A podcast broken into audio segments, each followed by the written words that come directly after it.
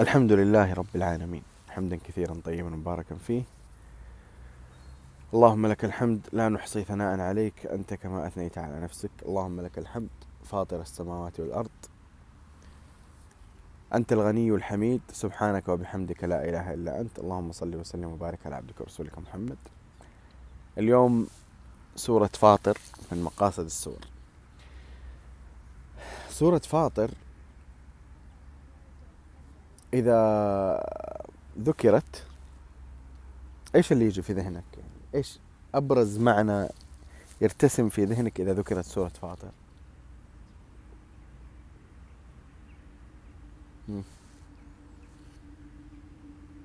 الحديث عن من؟ سورة فاطر أنواع المخلوقات جيد إيش في كمان؟ القرآن. لكن القرآن الحديث عن القرآن ليس كثيرا. سورة فاطر مليئة من أولها إلى آخرها وفي فواتحها وخواتيمها وفي أواسطها بالحديث عن الله سبحانه وتعالى. سورة فاطر أصلا اسمها متعلق بالله سبحانه وتعالى. وتبتدئ بالحمد لله سبحانه وتعالى. وتختت وخاتمتها فيها اسم من أسماء الله سبحانه وتعالى. إنه كان بعباده بصيرا. أليس كذلك؟ وفيها عدد من الآيات المختومة بالأسماء الحسنى. وفيها ذكر حتى ذكر المخلوقات مربوط تماما بال بالوصول إلى الله سبحانه وتعالى. حتى ذكر المخلوقات في سورة فاطر ذكر على سبيل أن يوصلك إلى الله سبحانه وتعالى. فهي متمحورة حول الحديث عن الله سبحانه وتعالى. وفيها إشارات من بداية السورة تدل على بعض المعاني التي ستذكر في السورة في الحديث عن الله سبحانه وتعالى. فكأن الإجمال في بداية السورة سيأتي تفصيله في ثناياها فالسورة افتتحت بالحمد لله فاطر السماوات والأرض.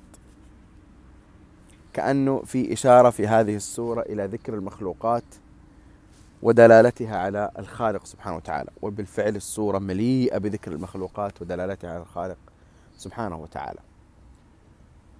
جاعل الملائكة رسلا. فيها إشارة إلى إيش؟ يمكن فيها إشارة إلى الوحي وإلى القرآن أن الملائكة هي التي تنزل بالوحي. جبريل عليه السلام هو الذي ينزل بالوحي. وهنا ذكر من صفاتهم صفة الرسل إنهم رسل. جاعل الملائكة رسلا. أولي أجنحة مثنى وثلاثة ورباع. كما ذكر بعض من لديهم تأملات لطيفة في القرآن أن هذه السورة مليئة بالإشارة إلى التنوع والاختلاف. مثنى وثلاث ورباع. وما يستوي البحران هذا عذب فرات سائغ شرابه وهذا ملح أجاج. وما يستوي الأعمى والبصير ولا الظلمات ولا النور ولا الظل ولا الحرور. وما يستوي الأحياء ولا الأموات. آه، إيش مختلف ألوانها؟ ألم ترى أن الله أنزل من السماء ماء فأخرجنا به ثمرات مختلفا ألوانها ومن الجبال جدد بيض وحمر مختلف ألوانها وغرابيب سود. واضح التنوع والاختلاف الكثير في السورة مثنى وثلاثة ورباع. يزيد في الخلق ما يشاء. إن الله على كل شيء قدير. ما يفتح الله للناس من رحمة فلا ممسك لها وما يمسك فلا مرسل له من بعده وهو العزيز الحكيم. لاحظ أنا جالس أتكلم الآن عن نقطة معينة وهي أنه في بداية السورة في إجمال لبعض الحديث عن الله وصفات الله سبحانه وتعالى التي سيأتي تفصيلها في ثنايا السورة. إيش هذه الآية؟ إيش إيش يستقى منها؟ إنه ما يفتح الله للناس من رحمة فلا ممسك لها وما يمسك فلا مرسل له من بعده. إنه فيها إيش؟ الحديث عن ماذا في مقابل ماذا؟ ما يفتح الله للناس من رحمة فلا ممسك لها. وما يمسك فلا مرسل له من بعده الحديث عن ماذا في مقابل ماذا؟ عن غنى الله وقوته وعزته وكمال قدرته في مقابل عجز المخلوق وفقره وعدم قدرته على شيء. وهذا المعنى واضح تماما في سورة فاطر. واضح في سورة فاطر. ألم يأتي فيها يا أيها الناس أنتم الفقراء إلى الله؟ والله هو الغني الحميد. ألم يأتي فيها والذين تدعون من دونه ما يملكون من قطمير؟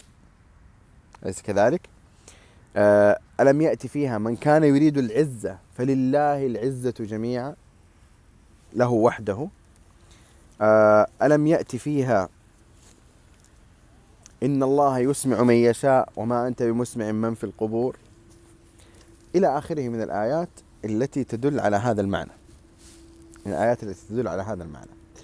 فهذه في مقدمة السورة ما يفتح الله للناس من رحمة فلا ممسك لها وما يمسك فلا مرسل له من بعده وهو العزيز الحكيم. يا أيها الناس اذكروا نعمة الله عليكم. اذكروا نعمة الله عليكم. هل من خالق غير الله يرزقكم من السماء والأرض؟ لا يزال الحديث عن الله. الآية الأولى في الحديث عن الله والآية الثانية في الحديث عن الله والآية الثالثة في الحديث عن الله سبحانه وتعالى. لكن كل واحدة منها من جهة أو من زاوية. هذه الآية الثالثة من أي زاوية؟ من أي زاوية؟ زاوية الإنعام واضح. اذكروا نعمة الله عليكم.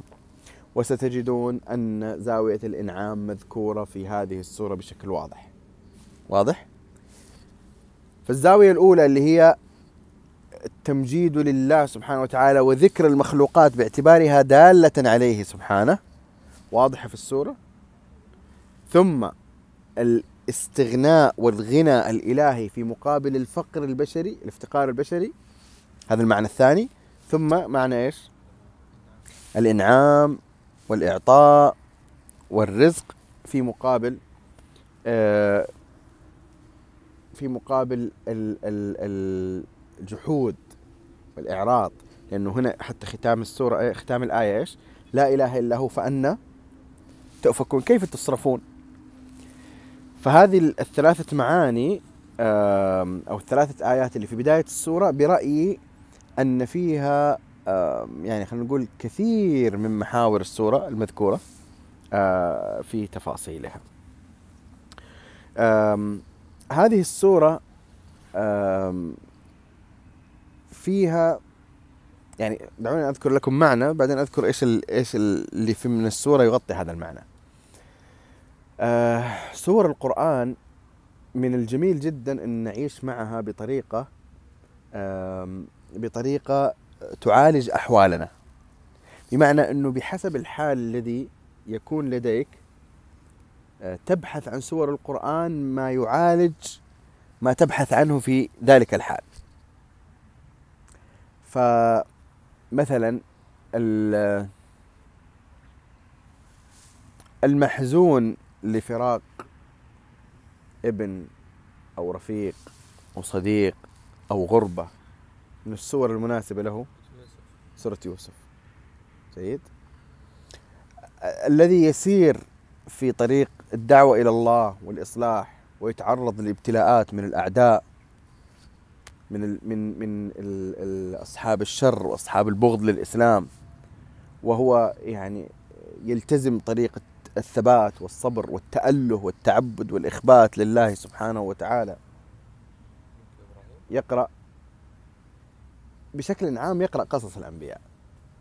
يقرأ قصص الأنبياء. ومن جملتها سورة إبراهيم سورة الأنبياء. سورة الأنبياء من أكثر السور المعينة في هذا المجال. آه، سورة القصص خاصة إذا أراد أن يلاحظ ألطاف الله سبحانه وتعالى آه، بعباده وأوليائه. فهكذا سور القرآن. سورة فاطر لو تذكرون قبل سورة فاطر لما تكلمت عن عدة سور في البداية قلت تتكلم عن شخص النبي صلى الله عليه وسلم. أحيانا بعض الصور تروي شيئا من شوقك وظمأك إلى آه، أو تجاه النبي صلى الله عليه وسلم. مثلا سورة الأحزاب سورة الإسراء سورة النجم سورة القلم. هذه كلها سور فيها مركزية للنبي صلى الله عليه وسلم. ها؟ والضحى فهذه السور آه، أحيانا يفيض بك الشوق إلى المصطفى عليه الصلاة والسلام. فتقرأ مثل هذه السور فتجد فيها آه، إيناسا لك في هذا الشوق. سورة فاطر آه، من السور التي إذا أردت أن تسبح في فلك التأمل آه، في في في صفات الله سبحانه وتعالى في جلال الله في عظمة الله في قدرته في قوته في استغن في غناه سبحانه وتعالى. يعني إذا اشتقت للحديث عن الله سبحانه وتعالى فاقرأ سورة فاطر. إذا اشتقت للحديث عن الله سبحانه وتعالى فاقرأ سورة فاطر. آه، من المعاني التي تجذبني في سورة فاطر تحديدا ويمكن أن أقرأ سورة فاطر لأجلها هي آه، تذكر فقر الخلق وأنه ليس بأيديهم شيء وأنهم لا يردون شيئا من قضاء الله ولا يملكون نفعا ولا ضر ولا ضرا وأنهم في غاية العجز أمام قدرة الله المطلقة وأنهم لا يمتلكون حتى من معاني العزة شيئا إلا من عند الله سبحانه وتعالى. وهذا المعنى واضح في السورة. وفيه أيضا فرع من هذا وهو أنه أصحاب السيئات وأصحاب الفساد والإفساد أصحاب المكر بالليل والنهار لأجل إضعاف الدين والشريعة والمكر بعباد الله هذه السورة من السور التي تؤنس في أنهم لا يملكون شيئا وأن مكرهم وبال عليهم. فمن المعاني التي تقصد سورة فاطر لأجلها معنى إظهار معنى افتقار الخلق وعدم قدرتهم على شيء. وأن جملة الماكرين منهم مكرهم ليس ليس شيئا. تأملوا معي الآن الآيات التي تدل على هذا المعنى. واضحة في السورة تماما السورة. هذا المعنى حاضر فيها معنى فقر الخلق وعدم قدرتهم على شيء. وأن الله هو القادر وأن الماكرين منهم مكرهم لا, لا, لا يؤدي إلى شيء. أول ثاني آية ما يفتح الله للناس من رحمة فلا ممسك له. وما يمسك فلا مرسل له من بعده وهو العزيز الحكيم. وأيضا من كان يريد العزة فلله العزة جميعا. إليه يصعد الكلم الطيب والعمل الصالح يرفعه والذين يمكرون السيئات لهم عذاب شديد ومكر أولئك هو يبور. ومكر أولئك هو يبور. إن تدعوهم لا يسمعوا دعاءكم. ولو سمعوا ما استجابوا لكم. ويوم القيامة يكفرون بشرككم ولا ينبئك مثله خبير. وقبلها والذين تدعون من دونه ما يملكون من قطمير. واضح المعنى؟ واضح تكرار المعنى؟ يا وبعدها يا أيها الناس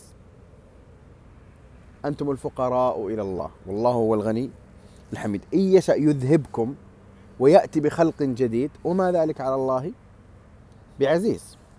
وأيضا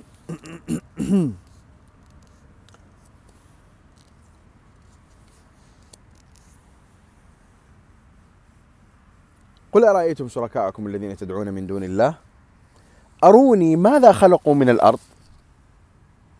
واضح التركيز على هذا المعنى؟ واضح؟ أنه من دون الله لا يملك شيئا. أروني ماذا خلقوا من الأرض؟ أم لهم شرك في السماوات؟ أم آتيناهم كتابا فهم على بينة منه؟ وأيضا استكبارا في الأرض ومكر السيء ولا يحيق المكر السيء إلا بأهله فهل ينظرون إلا سنة الأولين؟ وأيضا أولم يسيروا في الأرض فينظروا كيف كان عاقبة الذين من قبلهم وكانوا أشد منهم قوة؟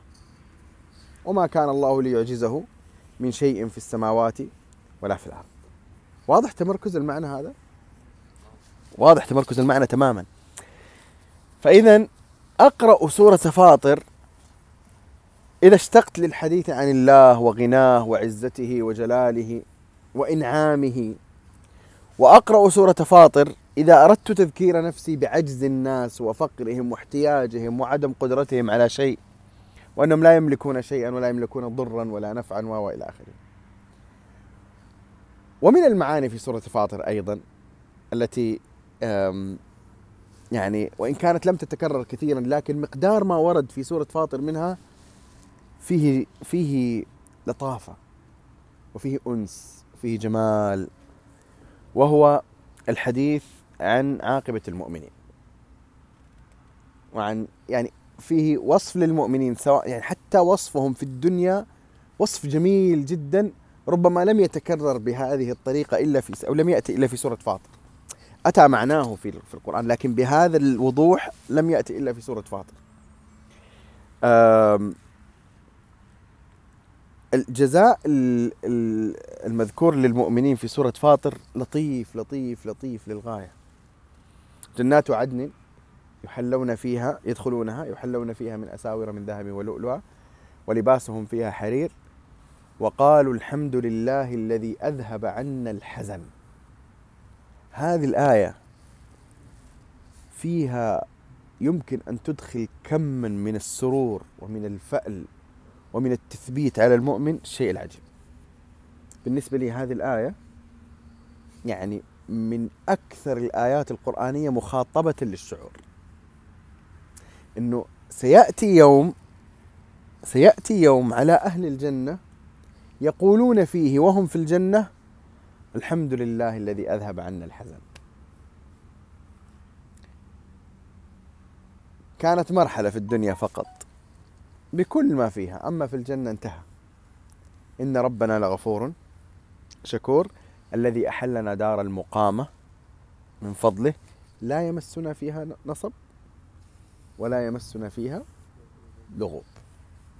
هاتان الآيتان فيها قدر من اللطافة ومخاطبة المؤمنين آه، آه، بشكل عجيب جدا.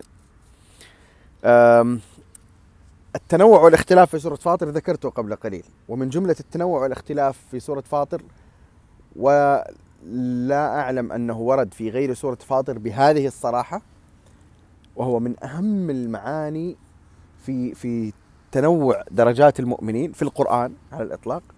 ثم أورثنا الكتاب الذين اصطفينا من عبادنا فمنهم ظالم لنفسه ومنهم مقتصد ومنهم سابق بالخيرات بإذن الله. الظالم لنفسه من هو؟ أول شيء هذه الثلاث ثلاثة أقسام في أي صنف من الناس؟ يعني هل هي في أصناف متعددة أم في صنف واحد؟ الذين أورثوا الكتاب. اللي هم؟ إيه هذه في المؤمنين. جيد. يعني ليست في آه، مؤمنين وكفار ولا فالمؤمنون ثلاث درجات. منهم ظالم لنفسه. هذا ملتزم بالشريعة ملتزم بالفرائض. قد يأتي بعض المستحبات ولكن هو ظالم لنفسه يقع في الذنوب والمعاصي. يقع في الذنوب والمعاصي ويفرط في كثير من الكمالات والمستحبات ويفرط حتى ربما في بعض الواجبات. هذا الظالم لنفسه. ومنهم مقتصد رأيتم ذاك الصحابي الذي جاء للنبي صلى الله عليه وسلم فقال والله لا أزيد على هذا ولا أنقص. ها؟ فقال النبي صلى الله عليه وسلم أفلح إن صدق دخل الجنة إن صدق. هذا المقتصد. اللي هو إيش الفرائض؟ هذه فرائض الحمد لله رب العالمين سأوديها ولن ولن أقع في في المحرمات. يعني مو بس يؤدي الفرائض. نهى الله عن الظلم عن الفحش عن الكذب عن آه، العقوق. عن الغش عن الربا عن الخيانة لن أقع في هذه الأشياء. وسألتزم بالفرائض والحمد لله رب العالمين. لن أقوم الليل ولن أكثر من ذكر الله ولن ولن ولن ولن إلى آخره. هذا المقتصد. ومنهم سابق بالخيرات بإذن الله. ذلك هو الفضل الكبير. جنات عدن يدخلونها. طبعا التفريق بين مقامات المؤمنين ورد. ورد في أكثر من في موضع في كتاب الله سبحانه وتعالى فورد التفريق بين في سورة الواقعة بين أصحاب اليمين وبين المقربين السابقين صح؟ أليس كذلك؟ آه حتى في ختام السورة فأما إن كان من المقربين فروح وريحان وجنة نعيم وأما إن كان من أصحاب اليمين فسلام لك من أصحاب اليمين وأما إن كان من المكذبين الضالين فنزل من حميم وتسلية جحيم. هذا إن كانوا من المكذبين. القسم الثالث. حتى في سورة الإنسان إن الأبرار يشربون من كأس كان مزاجها كافورا عينا يشرب بها عباد الله. عباد الله هذول المقربين. والأبرار دونهم. لأنهم يشربون من كأس كان مزاجها كافورا. تمزج. بالعين هذه التي هي كافور بينما هي لعباد الله صافية خالصة لا تمزج. هذه مثل في سورة المطففين إن الأبرار لفي نعيم.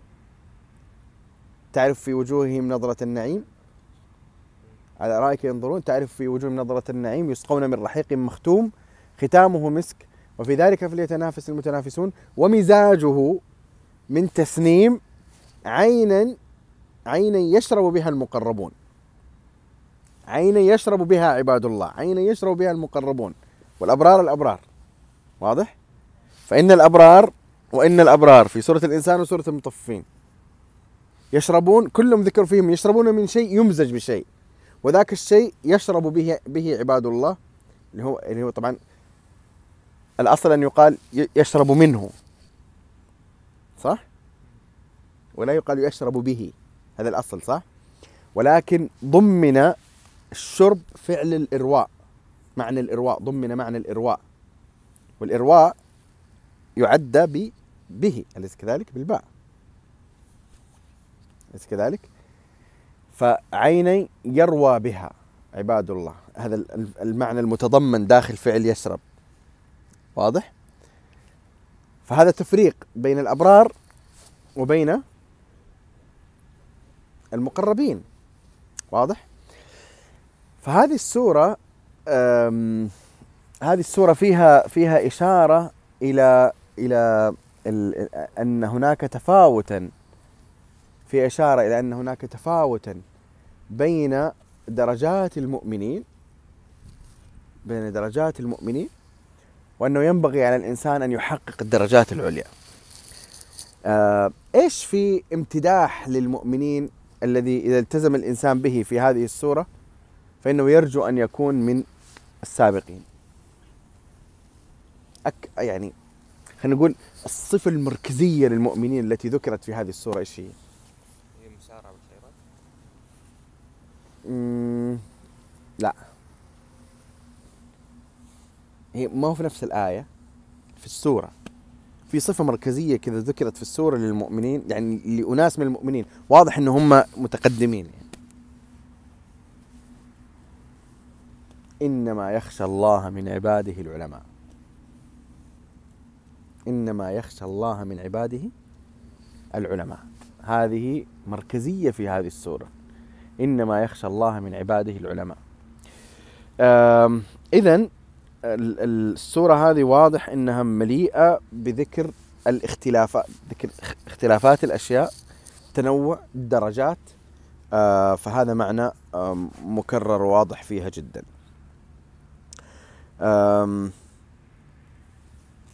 لا لا تكاد يعني لا تكاد تقلب آية على إثر آية إلا ترجع إلى المحور الأساسي للسورة اللي هو الحديث. عن الله سبحانه وتعالى. تماما يعني. والله الذي أرسل الرياح فتثير سحابا. من كان يريد العزة فلله العزة جميعا. والله خلقكم من تراب.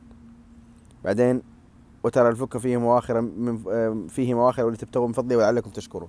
يولج الليل في النهار. هذه كل آيات وراء بعض. بعدين آه، ولا ينبئك مثل خبير. بعدين أنتم الفقراء إلى الله. بعدين إن يشاء يذهبكم. بعدين وما ذلك على الله بعزيز. السورة تتحدث عن الله سبحانه وتعالى. وبقدر ما تتحدث عن الله وعظمته وغناه وعزته وكماله وعلمه واطلاعه بقدر ما تقلل من قيمة المخلوقين وأنهم لا يملكون من قطمير. أنتم الفقراء إن يشاء يذهبكم. مكر أولئك هو يبور. أروني ماذا خلقوا من الأرض أم لهم شرك في السماوات إلى آخره. واضح تماما ان إن السوره ترسخ آه هذين المعنيين على آه التوازي. لفت انتباهي تكرار آه وصف الله سبحانه وتعالى في هذه السورة بالغفور. فجاء الغفور مع صفات أخرى لكن الغفور تكررت. فمثلا إنما يخشى الله من عباده العلماء إن الله عزيز غفور. ليوفيهم أجورهم ويزيدهم ويزيدهم من فضله إنه غفور شكور. وقالوا الحمد لله الذي أذهب عنا الحزن إن ربنا لغفور شكور. الثلاث آيات واردة في حق من؟ ثلاث آيات كلها. مؤمنين. صح؟ كلها واردة في حق المؤمنين. طب هل هي واردة في حق المؤمنين هكذا يعني وصف عام للمؤمنين ولا في ذكر أفضلية وثواب وتقدم؟ أفضلية وثواب وتقدم صح؟ الأولى انما يخشى الله من عباده العلماء إن الله عزيز غفور. والثانية ليوفيهم أجورهم ويزيدهم من فضله وكان قد وصفهم قبل ذلك بأنهم يتلون كتاب الله و صح؟ ثم قال إنه غفور شكور. والثالثة الحمد لله الذي أذهب عنا الحزن إن ربنا لغفور شكور. وهذا فيه إشارة إلى أن الله سبحانه وتعالى آه، أو أن ما ينتظره المؤمن من الله سبحانه وتعالى مع عمله ومع جهده ومع اجتهاده هو أن يغفر له. وأن يغفر له. يعني من لا يدرك هذا المعنى من العاملين فهو آه، قد يضل الطريق وينحرف. يعني يجب أن يظل الإنسان مستصحبا معنى أنه كلما ترقى في الطريق أكثر ازداد احتياجه إلى مغفرة الله سبحانه وتعالى. والذي يفهم الطريق إلى الله سبحانه وتعالى جيدا آه، يدرك أن المغفرة أوسع بكثير من أن يكون المراد بها هو مجرد محو ذنب معين. إنه أنا أذنبت الآن ذنب فغفور يعني اغفر لي هذا الذنب فقط. وإنما هي تعني معان كثيرة واحدة من أهم المولدات للاستغفار ولطلب آه، ما يرجى من اسم الله الغفور من الله سبحانه وتعالى باعتبار اسمه الغفور من أعظم المولدات لطلب المغفرة عند المؤمن المتقدم العامل المحسن هو شهود عظمة الله وما ينبغي له وشهود النقصان في التعبد الذي يقدمه الإنسان مهما فعل. وهذا المعنى هل يتغير مع الزمن أو هو ثابت؟ ثابت ولذلك سيظل المؤمن ملاحظا لهذا المعنى فيظل مستغفرا إلى أن يموت. واضح الفكرة؟ واضح؟ آخرون اختزلوا معنى الاستغفار وطلب المغفرة في الذنب المعين. يعني مو بس حتى التقصير العام الذنب المعين. تمام؟ فهو يتذكر أو يطلب الله باسمه الغفور لما يقع في ذنب معين ومحدد. فرق كبير جدا بين الحالين. جيد؟ أول ما تسلم من الصلاة وقد انصرفت من عمل صالح. وإذا انتهيت من قيام الليل وأنت في السحر تستغفر مستغفرين بالأسحار. يعني نفس المقصود إنه ما هو من من أذكار قيام الليل لكن هو الأسحار موضع عبادة أصلا. وذكر الاستغفار الذي سيستغفر في السحر هم المتعبدون الذين سيستغفرون والا في الآخرون يغطون في نوم. بس كذلك. ومع ذلك جعل خاتمة الليل بالنسبة لهم هو استغفار. آه، النبي صلى الله عليه وسلم كان يعد له في المجلس الواحد سبعين أو مئة مرة يستغفر. فالنبي الذي قاتل ومعه ربيون كثير وأصيبوا في سبيل الله إصابات عظيمة فما وهنوا وما ضعفوا وما استكانوا وهم في هذا الحال حال الثبات والصبر والمجالدة والمجاهدة وما كان قولهم إلا أن قالوا ربنا اغفر لنا ذنوبنا وإسرافنا في أمرنا. هذا المشهد مشهد من أعجب المشاهد في القرآن الكريم على الإطلاق على الإطلاق. حين هم أصيبوا في سبيل الله. إصابة بالغة جدا جدا لأن الله قال فما وهنوا وما ضعفوا وما استكانوا. فما وهنوا لما أصابهم في سبيل الله وما ضعفوا وما استكانوا. نفع عنهم ثلاثة أشياء تدل على إيش؟ شدة ما لاقوا تمام؟ والله يحب الصابرين. وما كان قولهم في هذه الحال الشديدة التي صبروا فيها إلا أن قالوا ربنا اغفر لنا ذنوبنا وإسرافنا في أمرنا. نفس الشيء. فلما جاوزه هو الذين آمنوا معه قالوا لا طاقة لنا اليوم بجالوت وجنوده. قال الذين يظنون أنهم ملاقوا الله كم من فئة قليلة غلبت فئة كثيرة بإذن الله والله مع الصابرين. ولما برزوا لجالوت وجنوده قالوا ربنا أفرغ علينا صبرا وثبت أقدامنا وانصرنا على القوم الكافرين. وكان هذه يعني مجمل الدعاء يعني. فالشاهد من الكلام أنه لفت انتباهي تكرار الغفور مع ذكر هذا الثواب. آه، فهذا الثواب وإن تحقق فهو ليس لمحض العمل وإنما هو مجموع إلى ذلك مغفرة الله سبحانه وتعالى. يعني نكتفي بهذا القدر وصلى اللهم على نبينا محمد وعلى آله وصحبه.